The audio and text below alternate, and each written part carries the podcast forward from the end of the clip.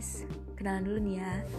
Hmm, Nama aku Eka Fitriani, seorang mahasiswa tingkat akhir yang sudah menghabiskan sebagian usia di pesantren.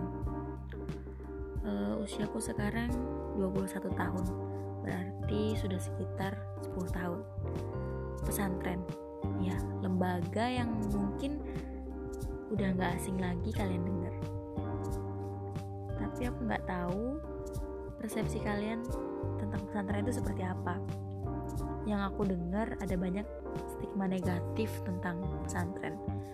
Yang santrinya itu kuno lah atau santri itu kurang bisa bergaul hidup di pondok pesantren itu kaku kurang open mind gitu.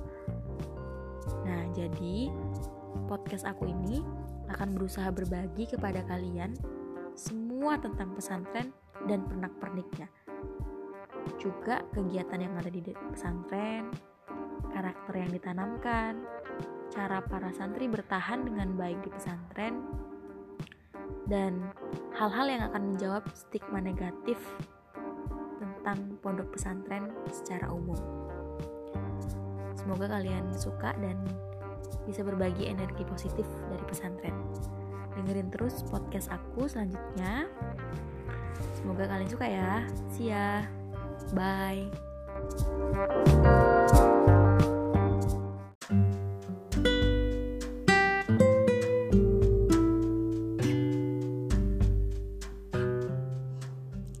Hai guys, balik lagi di podcast aku yang akan berbagi banyak hal seputar dunia pondok pesantren dan semoga bisa menebar manfaat seluas-luasnya.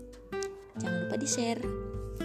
Oke, seperti yang pernah aku bahas kemarin di podcast pertama aku, bahwa ada banyak banget stigma buruk yang berkembang tentang pesantren nih. Salah satunya adalah pondok pesantren itu mengekang, seperti di penjara, terbatas aksesnya buat ke mana-mana, dan gak bebas. Padahal nih guys, di pondok pesantren itu kita bakalan diajarin untuk memanfaatkan waktu melakukan hal-hal yang berfaedah membangun kebiasaan baik yang di mana kita nggak bisa dapat pendidikan seperti itu selain di pesantren.